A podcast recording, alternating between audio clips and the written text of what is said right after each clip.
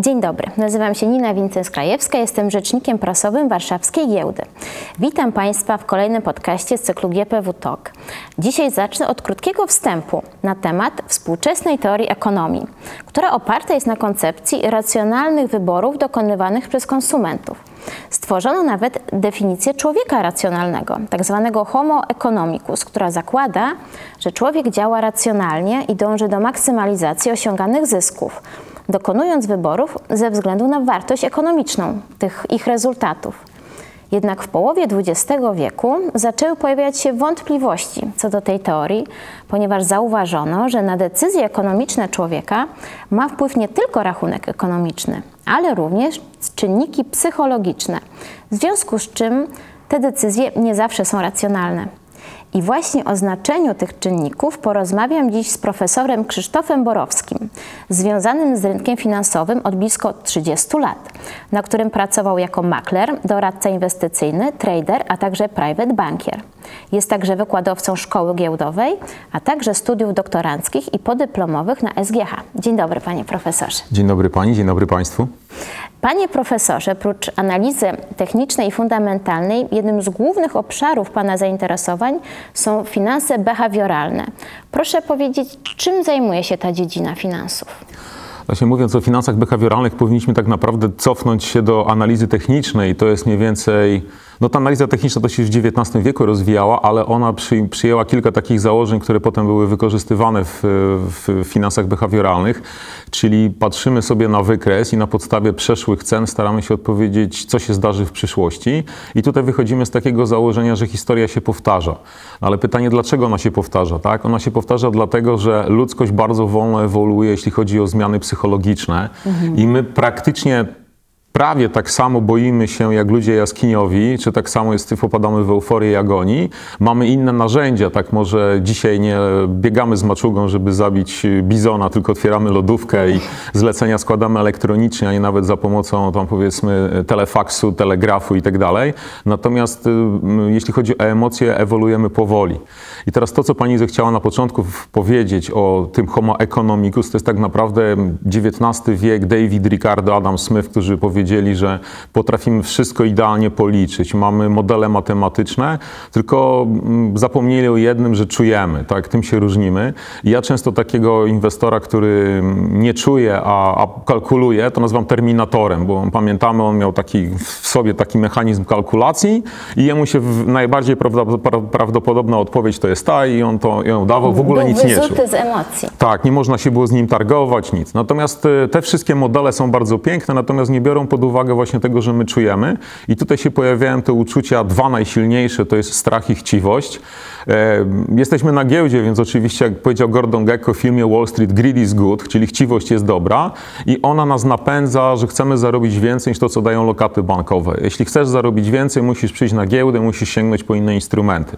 Oczywiście jest tutaj awersja do ryzyka wielu inwestorów i on, każdy ma inną. Jedni będą akceptować duże ryzyko, inni nie, więc są różnice indywidualne, no ale jednak każdy z nas chciwy jest i chciałby trochę zarobić. I to jest emocja słabsza niż druga, którą jest strach, która się ujawia w momencie załamań na rynkach finansowych. To trochę przypomina sytuację w kinie, gdzie na przykład jak krzykniemy pali się, to wtedy tak wszyscy próbują uciec z tego kina i albo jest kilku stratowanych, albo te drzwi z futryną wylatują. I tak podobnie dzieje się na rynkach, jak ktoś powie sprawdzam, tak? co, tam, co tam się w tych kursach, y, ile I jest tam prawdy. Panika. I nagle jest panika. I to jest uczucie silniejsze. I jak Państwo popatrzą na wykresy giełdowe, to my się tak powoli wspinamy, tak jakbyśmy szli łagodnie na górę po takim łagodnym zboczu mniej więcej, a spadek jest taki ostry, gdzie jest ta druga, my często nazywamy to ścianą płaczu, tak? w krótkim czasie duże spadki.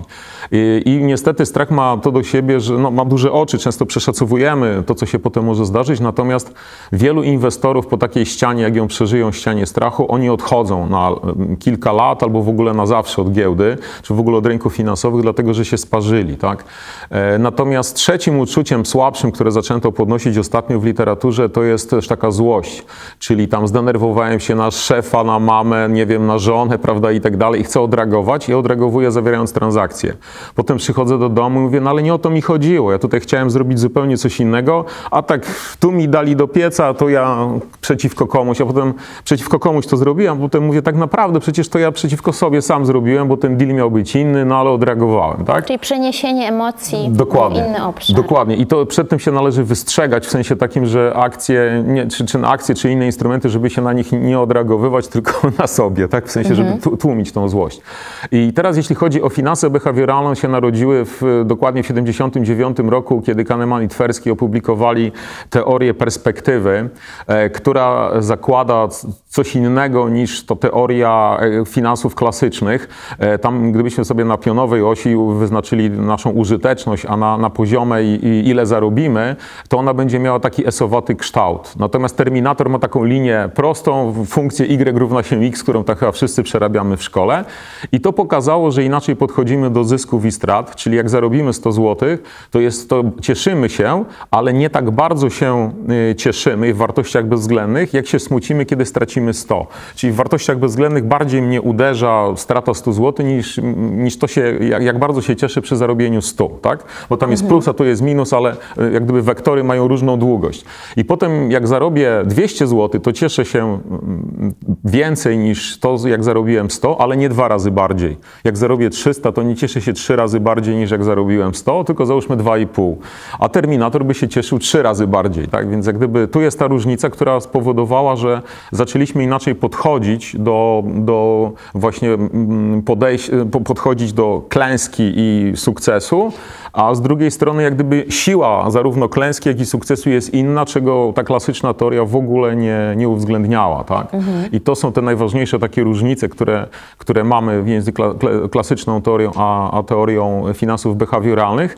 I teoria finansów behawioralnych, ona się dzieli na takie dwa obszary. Jeden to bada jednostki, czyli mówi, co może zrobić dla siebie, żebyś nie popełniał błędów, a potem bada zbiorowości i mówi, co jest takiego mm, charakterystycznego, że tłum, czy zachowanie grupowe inwestorów prowadzi do pewnych no, dziwnych zachowań, które nie potraf, których nie potrafimy wytłumaczyć przy pomocy teorii klasycznej, a potrafimy wytłumaczyć przy pomocy finansów behawioralnych.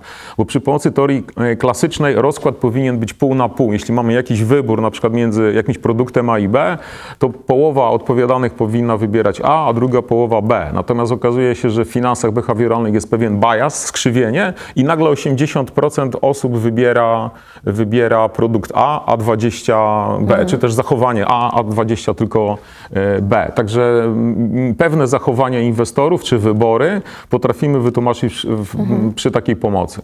Y, Nawiązując do kwestii zbiorowości, bo rynek kapitałowy tworzy zbiorowość ludzi i też Pan o tym powiedział, że to ma wpływ na, na nasze inwestycje. Czy, czy zbiorowość tłumi w jej uczestnikach zdolność do logicznego myślenia? Tak, to znaczy tutaj jest taka teoria e, De- Debona, który napisał taką książkę i powiedział, że tłum jest bardzo prosty w swoich jak gdyby rozumowaniu. On nie może myśleć abstrakcyjnie i tłumi w nas takie indywidualne podejścia. I to też doskonale widać, jak ja bym stanął na krawężniku, a szli demonstranci i krzyczeli jakieś hasła, to jeszcze mógłbym myśleć racjonalnie. Jeśli wejdę do tłumu i zacznę krzyczeć tam precz z Prawda, no to w tym momencie już zaczynam myśleć tak jak ten tłum. E, I tutaj właśnie też jest e, taki problem, że e, dzisiaj może nie, inwestorzy nie chodzą do biur maklerskich, nie piją tam kawki, nie rozmawiają z innymi, natomiast są blogi. I ja na przykład unikam tego. Czasami sobie tam wejdę, zobaczę i włos mi się na głowie jeży, co ludzie tam wypisują. Natomiast chodzi o to, że jak wchodzę w taki blog, to tak jakbym się zanurzył w morze takiego chaosu. I ja muszę sobie zdawać z tego sprawę, że jestem bombardowany różnymi dziwnymi pomysłami czy ideami, które tam ludzie wrzucają. E, Natomiast ja się powinienem od tego uwolnić i powinienem stanąć na tym krawężniku i powiedzieć tak zdroworozsądkowo, zastanowić się, czy to ma rację, czy to czy jest sens, czy to ma ręce i nogi. I na przykład ja uważam, że jak czytam jakiś artykuł w gazecie, to powinienem potem go odłożyć i samodzielnie przemyśleć, e, czy, czy autor miał rację. To samo dotyczy wpisów. Powiedzmy no jeszcze gazety, czy strony internetowe renomowane, to tam nie ukazuje się jakaś taka sieczka z całym szacunkiem. Natomiast jak wejdziemy na blogi, to ludzie wypisują różne dziwne rzeczy, które często niestety młodzi ludzie, to akurat doświadczenie na SGH mi mówi, przyjmują jako prawdę objawioną, co, co jest zupełnie nieprawdą. i tutaj jest od razu, korzystając z fałszywego założenia, pro- prowadzi to do fałszywych wniosków, tak? Więc dobrze w, w, kierować się takim własnym rozumem, czyli nie czy, znaczy można czytać dużo rzeczy, ale jak gdyby bardzo sceptycznie podchodzić do wyrażonych tam idei. I teraz to też trochę się przekłada na budowę portfela, bo dobrze jest się nauczyć pewnej własnej strategii, czyli ją wypracować nawet przez wiele, wiele lat, że zbudowałem sobie na podstawie analizy technicznej, fundamentalnej. Natomiast gorzej, jak się pyta inwestora, jak pan, jak pan inwestuje, on, a on mówi tak, tutaj w gazecie przeczytałem o takiej spółce, tutaj mi kolega powiedział to, tutaj gdzieś zasłyszałem o czymś innym i tak naprawdę jak ja się pytam go, a jaką pan ma swoją strategię, to on mówi, właściwie jej nie mam. I to jest problem, tak, że on nie ma swojego sposobu inwestowania czy grania, tylko każda spółka czy każda inwestycja oparta jest na innych przesłankach czy na no innym źródle. I to też moim zdaniem nie jest najlepsze. Ja oczywiście mogę usłyszeć o dobrej spółce, e, natomiast powinienem sam zdroworozsądkowo zastanowić się, czy ona pasuje do mojego portfela. I zawodowi gracze to też mają taką checklistę, czyli po prostu jak mamy powiedzmy 6-7 warunków, które musi spełniać dana spółka, żeby w nią inwestować. I wtedy po prostu jeśli no, odhaczamy, że te warunki są pospełniane, wtedy inwestujemy, tak? Natomiast nie na zasadzie, że usłyszałem jakąś plotkę i od razu to kupuję, tak? Bo em, Japończycy są mistrzem wrzucania plotek na rynek i oni po prostu specjalnie wpuszczają. Może tego w Europie tak nie ma, ale oni specjalnie Japończycy wpuszczają te plotki po to, żeby wprowadzić chaos. To, co teraz słyszymy o wojnach medialnych, chaosowych w związku z wojną i tak dalej. Więc to jest też na rynku kapitałowym. Spuszczanie plotki, która się nie sprawdza, ale tłum właśnie reaguje na to. Tak? A jakie są inne sposoby, oprócz, tak jak pan profesor wspomniał, własnej strategii inwestowania, żeby się przed tą manipulacją obronić? To znaczy, no można posługiwać się tutaj powiedzmy zaleceniami no, zawodowych y, graczy, czy powiedzmy no, korzystać z rekomendacji biur maklerskich, czy, czy banków inwestycyjnych, tylko to też proszę pamiętać, że nie ma czegoś takiego jak portfel dla każdego. Oni pokazują pewne rekomendacje, czy pokaz, budują pewne portfele dla różnych grup inwestorów i wtedy ja muszę sobie wybrać jak gdyby taki portfel, który mnie najbardziej pasuje. I też proszę pamiętać, że na giełdzie nie ma nieomylnych ludzi, czyli ja się będę mylił i to jest wkalkulowane w proces inwestowania i tak samo będą się zawodowcy mylili, że oni na przykład na ileś deali też ponoszą straty. Tak? To, to jest normalne. Tu nikt nie powie, że on ma 100% skuteczność, bo musiałby mieć chyba dyskietkę z przyszłości po prostu z wynikami. Tak? Więc A, a jakie widzi Pan najczęstsze błędy popełniane przez inwestorów, które są powodowane przez emocje? To znaczy, no, ge- generalnie to jest kilka takich błędów, bo nawet jak wyjdziemy od powiedzmy analizy technicznej, która jest jedną z takich metod inwestowania, oczywiście może być fundamentalna, tylko fundamentalnie inwestujemy na, raczej na miesiące i lata. I analiza fundamentalna, to tutaj też bazujemy często na rekomendacjach e, analityków i w przypadku analizy fundamentalnej e, mamy, e, oddzielamy ziarno od plew, czyli dobre spółki od złych i mówimy, że te fundamenty są na tyle dobre, że w długim horyzoncie spółki mogą, będziemy na nich zarabiać. Tak? W analizie technicznej z kolei musimy się trochę nauczyć e, pewnych sposobów e, inwestowania i tam jest bardzo kluczowe e, kładzenie stop lossu i take profit, czyli take profit to jest zlecenie, które od razu powinienem wprowadzić do systemu i na, na początku mówię, ile chciałbym zarobić. Z analizy technicznej można w pewnych sytuacjach policzyć, jaka będzie minimalna moja stopa zwrotu. I y, powinienem od razu takie zlecenie wprowadzić, że jak cena tam dojdzie, to moje zlecenie jest wykonywane jako biorące zysk. Ja je mogę przesuwać to zlecenie, bo na przykład ropa trysnęła pod siedzibą, prawda? Pojawią się pewne zdarzenia y, in plus, które mogą powodować duże zainteresowanie tą firmą, jakiś, no nie wiem, dobry, do, do, podpisany kontrakt, czy jakaś sytuacja polityczna sprzyjająca danej branży, co oczywiście pozwala mi przesunąć to, to zlecenie. Natomiast drugim ważnym zleceniem jest stop loss, czyli zlecenie ucinające moją stratę. Jeśli tutaj ja nie powiem dokładnie ile to jest, bo to zależy trochę od y, awersji do ryzyka. Niektórzy inwestorzy, inwestorzy kładą to na minus 5%, 7, 10, 12. Są też narzędzia analizy technicznej, przy pomocy których można policzyć, gdzie ten stop loss powinien być umieszczony ze względu na przeszłe zachowania cen. Y, Natomiast ja tego nie powiem, ile to powinno być, bo każdy z Państwa ma swój no, taki punkt. Natomiast mam przykrą wiadomość dla Państwa, bo ta cecha kształtuje się w 13 roku życia, więc w tej chwili nawet najlepszy psycholog, psychiatra nie jest w stanie Państwu tego zmienić, bo to się już ukształtowało. Y, Natomiast to, to, to, to, co chciałbym zalecić, to składanie tego stop lossu. Jeśli tego nie zrobię, to mogę wpaść w taką pułapkę, że cena będzie spadać, spadać, spadać, a ja będę trzymał cały czas te akcje i w pewnym momencie, kiedy będę już na minus 50, minus 60 od ceny zakupu, to tak, będzie taka kapitulacja, poddam się i sprzedam, tak? Albo powiem, że będę trzymał to latami, stąd do wieczności. No i to jest w porządku, jeśli spółka rzeczywiście kiedyś wyjdzie na prostą i wróci do tych cen, ale niektóre spółki nie wychodzą, bankrutują, są usuwane z giełdy i ta cała kwota, którą zainwestowałem, ona też przepadnie tak naprawdę. E, Poza tym w żargonie mówimy, że staje się długoterminowym inwestorem. Chciał zaspekulować, a okazało się, że ją trzyma długo, długo, długo. Czyli tutaj my się śmiejemy właśnie, że długoterminowa inwestycja to jest taka nieudana spekulacja. I po to, żeby się uchronić przed tym, musi być to zlecenie stop loss, które mnie wyrzuci z rynku. I tutaj bardzo dobre mm, y, sukcesy na giełdzie mają wojskowi. Jak rozkaz? To rozkaz, tak? To bardzo to polecam, bo oni są bardzo tacy poukładani i to, im, ta, ta, ta, to kładzenie tych zleceń bardzo im sprzyja, jeśli chodzi o wykonywanie pewnych no, planów, strategii. Jesteśmy w klimacie wojennym wcześniej jak gdyby opracowanych, prawda? Natomiast inwestorzy, tutaj nie chcę obrażać, ale idziemy w stronę bardziej humanistów, to oni mają takie coraz większe nadzieje, że kurs wróci. I tutaj właśnie po to jest to zlecenie stop loss, że on może nie wrócić i ja tnę tą stratę. Natomiast najgorsze jest właśnie wzięcie straty na minus 2-3%, ale już na minus 50 to łatwo jest wziąć, tak? Bo czy to jest minus 50 czy minus 53, to już nie robi mi różnicy. I teraz e, właśnie to, co przed chwilą powiedziałem, jak tam kupiliśmy załóżmy akcje po 100, one są dzisiaj na minus 50, czyli po 50 zł, to my wykazujemy taki efekt kotwiczenia, taką pułapkę. I teraz modlimy się dosłownie do tej najwyższej ceny, jeśli w ogóle była, na przykład cena... Żeby wróciła. że- do, d- jak ci kupiliśmy po 100 i poszło na 120, a potem spadło do 50, to my pierwsze, co się modlimy, to do tej ceny 120, niech to wróci, ja od razu sprzedaję i zabierz te akcje ode mnie. A druga cena to jest to 100 zł, po których kupiłem. Żeby chociaż nic nie stracić. Żeby chociaż nic nie stracić. Tylko tak, pomijamy wartość pieniądza w czasie, która jest bardzo ważna w czasie inflacji, bo jeśli ten powrót będzie trwał, załóżmy z 650 zł na 100 przez rok, no to powinno mi wrócić do 110, żebym ja tak naprawdę wyszedł na zero, biorąc pod uwagę inflację. Tak? Im dłużej będę trzymał te akcje, dłużej będzie trwał ten powrót, tym wyżej ta cena musi powyżej 100 zł wyjść, żebym realnie miał tyle samo pieniędzy, tak? o czym ludzie zapominają. Yy, I to jest klasyczny efekt kotwiczenia. Przed tym broni zlecenie stop loss, które, które ucina.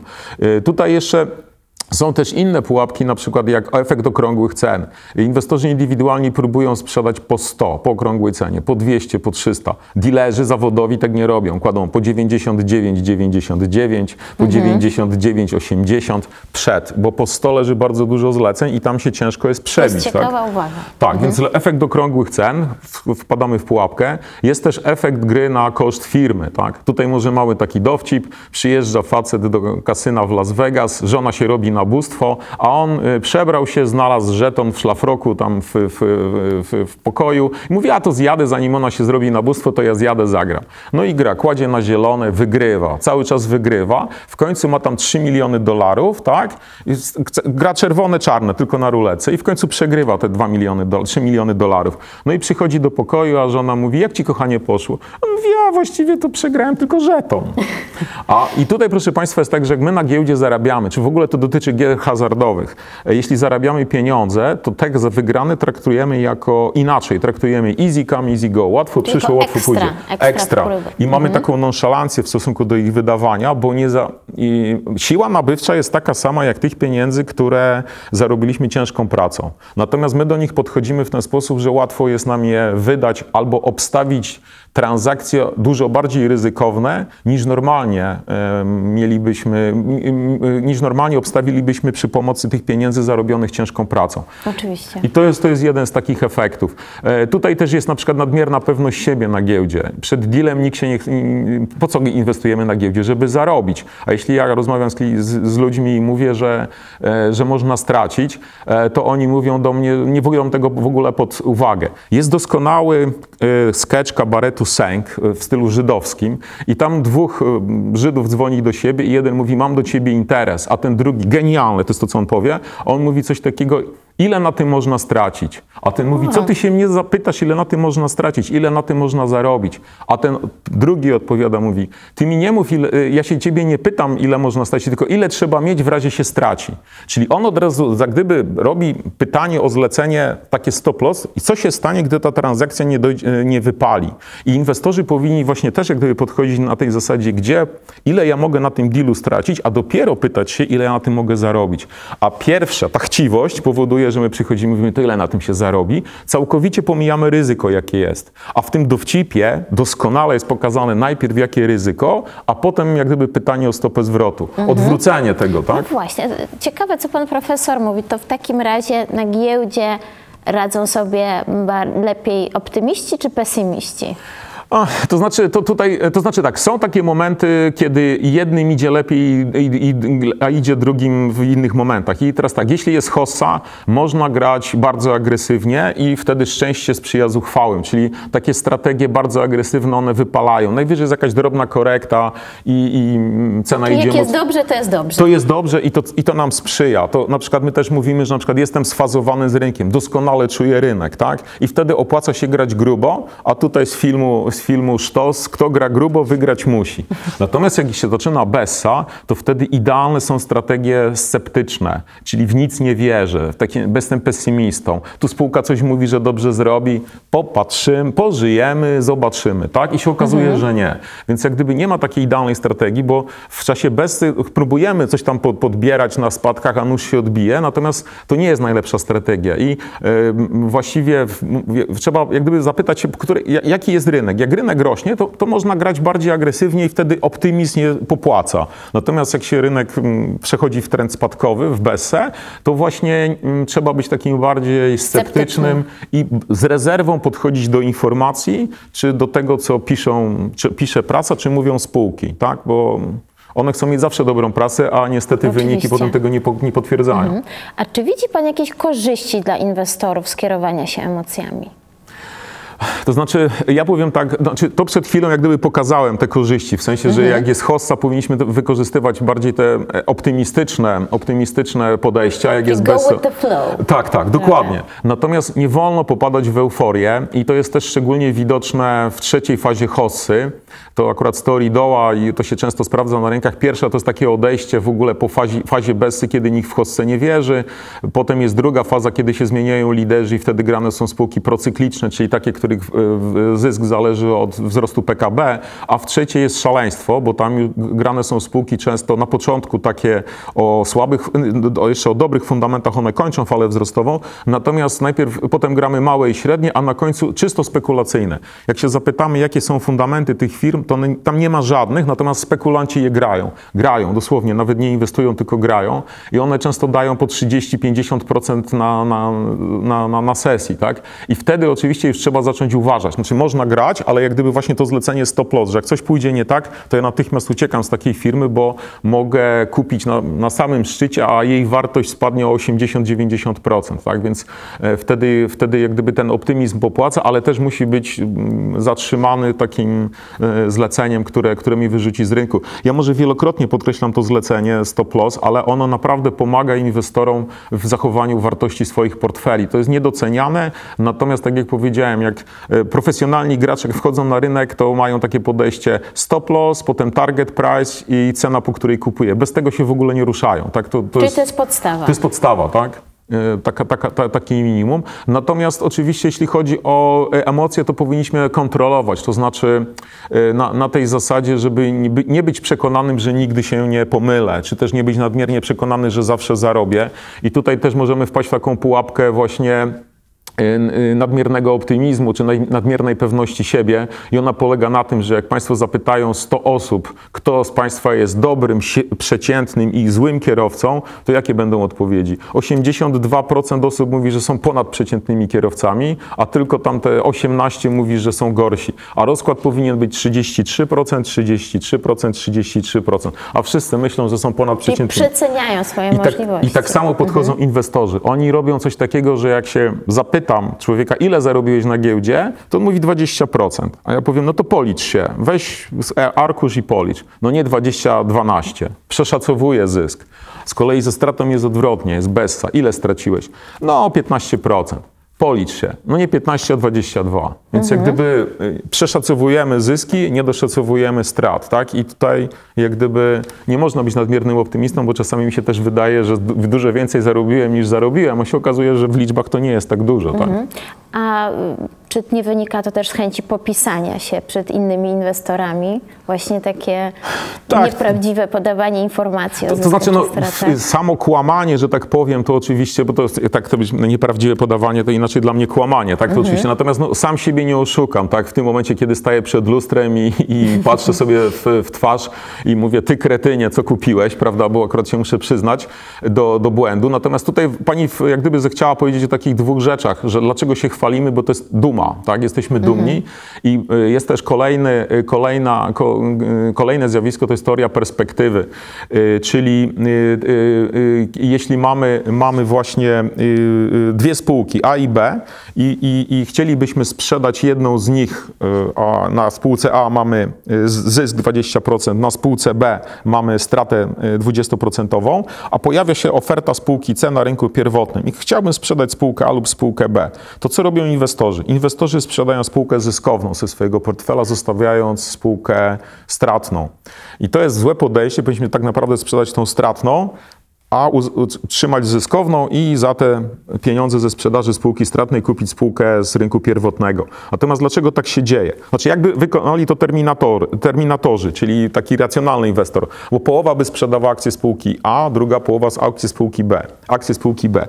Natomiast inwestorzy, tak jak powiedziałem, sprzedają akcje spółki A, bo tu jest to teoria dumy. Jestem dumny, bo zarobiłem, przyznaję się do sukcesu. Mistrzu potrafi, tak? To jest takie przekonanie. Jak sprzedam akcje, na których straciłem, to muszę się przyznać do błędu. To jest żal. Nikt z nas się nie lubi przyznawać do błędu. Jest ta teoria żalu i w tym momencie próbuję utrzymać te akcje w nadziei, że one wrócą do tego naszego pamiętnego poziomu 100 zł, prawda, e, do którego się modlimy z teo- z właśnie z, z, e, e, przy, przy pomocy tego efektu kotwiczenia. E, I tak naprawdę tą całą teorię podsumowuje się takim jednym zdaniem, że my w naszych ogrodach inwestycyjnych wycinamy piękne kwiaty, czyli spółki, które przynoszą zyski, a hodujemy chwasty, czyli te spółki, na których mamy straty. I przed tym powinniśmy się bronić. Tak? E, Ciekawi mnie, czy pan profesor widzi też różnicę w inwestowaniu między kobietami a mężczyznami. Tak, to takie różnice się e, podaje. To znaczy e, kilka jest takich różnic. Pierwsza to jest na przykład, jeśli przyjdziemy do biura maklerskiego, czy powiedzmy do firmy, która e, świadczy usługi asset management i teraz tam najczęściej są oferowane takie cztery portfele. Pierwszy portfel to jest portfel agresywny, gdzie można inwestować do 100% w akcjach. Drugi to jest powiedzmy taki mieszany pół na pół. Trzeci to jest stabilnego wzrostu do 30% w akcjach, reszta obligacje. A i będzie portfel bezpieczny, to jest portfel, gdzie są to praktycznie tylko obligacje czy instrumenty y, y, dłużne. I teraz można to rozróżnić względem płci i stanu cywilnego. Jak, jak przychodzi singiel, y, japi, czyli młody gniewny, to statystycznie, bo tutaj nie chcę nikogo urazić, statystycznie wybiera portfel akcji. Jak on już jest żonaty, ze względu na mniejszy poziom ryzyka, który może zaakceptować, bo ma załóżmy żonę, dziecko, to kupuje, to wybiera portfel mieszany, czyli ten pół na pół. Jak przychodzi młoda, samotna kobieta, to jest wtedy statystycznie wybiera portfel ten najbardziej y, bezpieczny, obligacji. Natomiast jak już jest w związku, no to wtedy wybiera portfel stabilnego wzrostu. I te kobiety to statystycznie tłumaczą w ten sposób, że jak jestem sama, to sama muszę się o siebie martwić, więc ja nie zaryzykuję. Natomiast jak już jest ten partner, partnerka, tak, bo to teraz to nie wiadomo, tak, ale partner, to wtedy jakby się coś zdarzyło z tą inwestycją, to on mnie wesprze, tak? I takie były tłumaczenia. I teraz y, to, co powiedziałem, też badania pokazują, że kobiety rotują mniej aktywami w swoich portfelach, czyli one rzadziej... Czyli są e, bardziej stabilne. bardziej stabilne, natomiast w długim horyzontach one często uzyskują wyższe stopy zwrotu niż mężczyźni, tak? I one też wybierają często inwestycje bardziej bezpieczne niż y, mężczyźni. I jeszcze widać podejście w private bankingu w Stanach Zjednoczonych. Tam rośnie odsetek e, bogatych wdów w tej chwili i private bankierzy musieli zmienić podejście, dlatego że kiedyś jak przychodził, generalnie facet przychodził, który który reprezentował rodzinę, no to z private bankerem rozmawiał o czym? Mówił o pobiciu benchmarku, czyli jak uzyskać wyższą stopę zwrotu niż załóżmy indeks giełdowy. Benchmark, czyli punkt referencyjny, czy się indeks giełdowy. Jak uzyskać wyższą stopę zwrotu i w wolnych chwilach co robisz? Gram w golfa. A teraz jak te kobiety przychodzą, to mówią tak, że nie chodzi mi o to, żeby pobić benchmark, tylko proszę mi zrobić taki portfel, gdzie ta część sfinansuje mi naukę dzieci, ta część sfinansuje mi kupno nowego domu, a ta pozwoli zmienić samochód w konkretnym czasie. Jest takie podejście. I o czym rozmawiają? O SPA rozmawiają. I duża część banków inwestycyjnych zaczęła wymieniać private bankierów ich na private bankierki one, tak? Tak, to Ciekawe widać, to już, to jest odsad, o już jest, a co się pojawiają artykuły w y, prasie finansowej właśnie, że banki musiały zmienić podejście właśnie, bo rośnie odsetek bogatych wdów, tak? Ale rośnie też odsetek inwestorek. Nie, nie, to Że- inwestorki to też jak gdyby one, one z, u nas statystycznie badania pokazują, że to jest kilkanaście procent, ale ta świadomość rośnie, ja się z tego bardzo cieszę. Natomiast niestety banki, w bankach inwestycyjnych cały czas obowiązuje zasada szklanego sufitu, czyli kobiety nie mogą awansować powyżej pewnego poziomu. Ja w pracach w swoich bankach inwestycyjnych spotkałem ze 3-4 kobiety na, na florze, czyli tam, gdzie handlowaliśmy akcjami na rzecz banku. I one chyba były bardziej męskie od nas wszystkich, czyli paliły cygara, nie, nie, nie, nie, nie papierosy, tylko cygara i piły właściwie z gwinta właściwie, tak?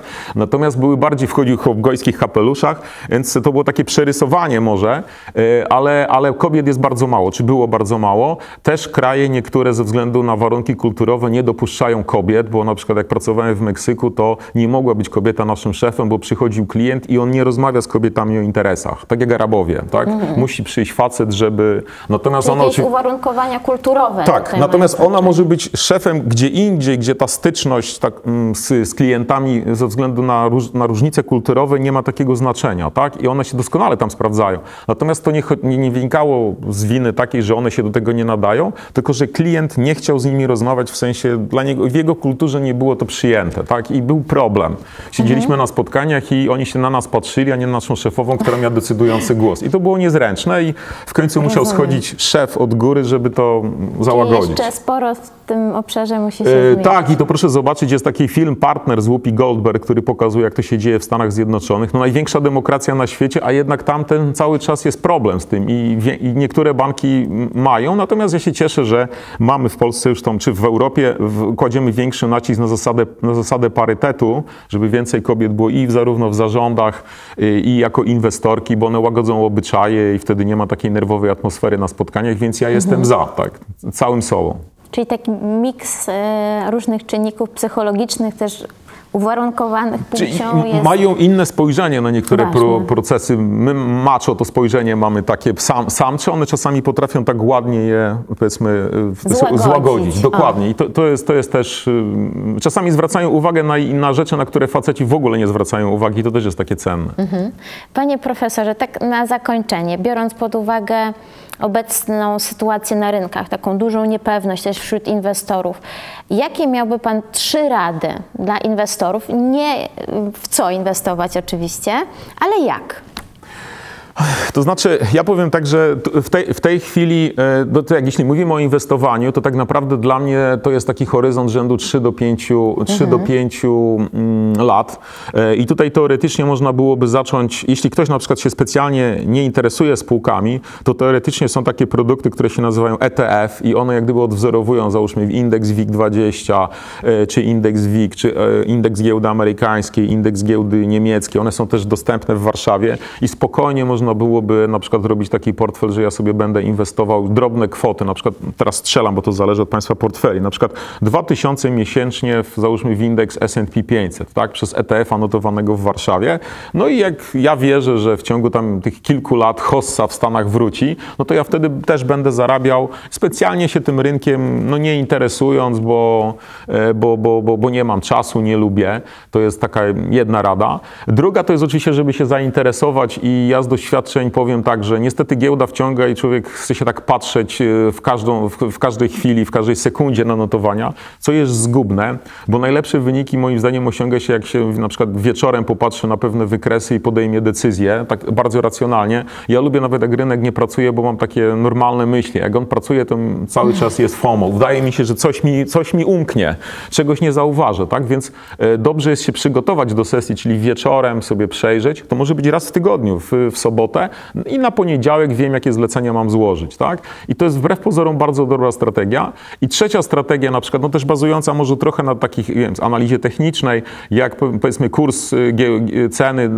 y, danej spółki przecina średnią, no tutaj 50, 100 czy 200 sesyjną, to zależy trochę od horyzontu, w którym będę inwestował. To jest bardzo prosta strategia, jak on przecina od dołu w górę, to trzeba kupować, jak przecina od góry w dół, to sprzeda. Ja tam nie muszę specjalnie myśleć, ale to jest stara strategia, stara lajara, a my na giełdzie jak gdyby uważamy, że takie narzędzia stylu KISS, keep it simple, keep it st- simple stupid, czyli im prostsze, tym lepsze, pozwalają inwestorom na proste inwestowanie, bez jakichś, nie wiem, uczenia się iluś podręczników, czy przechodzenia jakichś bardzo specjalistycznych kursów, ale na takie zwykłe, zdroworozsądkowe podejście i to są takie, mm, no i tak, i może taka rada ekstra, żeby nie podlegać emocjom, czyli po prostu też jak już y, y, gazety piszą, że jest bardzo źle, to się zastanowić, czy gorzej być jeszcze może, czy już nie, bo jak nie, to znaczy, że to jest ten moment wtedy, kiedy już wszyscy, ja to, ja to nazywam taką teorią, kiedy blisko szczytu wszyscy mnie pytają o giełdę i dzwonią do mnie tacy koledzy, ich nazywam jaszczury, które nig- nigdy do mnie nie dzwonią. One wtedy gdzieś wychodzą spod kamieni, dzwonią, mówią, co kupić, bo ty się tym zawsze zajmujesz,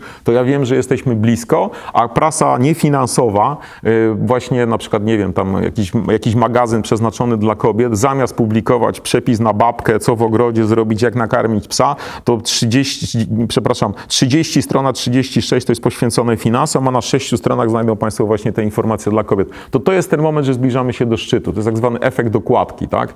Więc jak gdyby też można zauważyć po, i wtedy też przy tym zbliżaniu się do szczytu e, duża część osób rozmawia tylko i wyłącznie o giełdzie, co jest dziwne, a z kolei jak jest, y, jesteśmy blisko dna Bessy, no to wtedy już są nastroje tak minorowe, że właściwie trzeba zgasić światło i wyjechać, tak? A to się okazuje, że, że za chwilę już jest odbicie, tak jak w chorobie, jest jakieś przesilenie i potem nagle nie wiadomo dlaczego rośnie jeszcze nikt to nie wierzy, a to już jest ten moment. O, o, oby, oby to nastąpiło dość Jak szybko. najszybciej. Tak, tego życzymy sobie, tego życzymy e, rynkom. E, dziękuję serdecznie panie profesorze za rady dla inwestorów. Mam nadzieję, że e, przynajmniej kilka z nich wezmą sobie państwo do serca i też wdrożą w życie i w swoje decyzje inwestycyjne. I zapraszam do wysłuchania kolejnych podcastów z cyklu GPW Talk. Dziękuję. Dziękuję pięknie.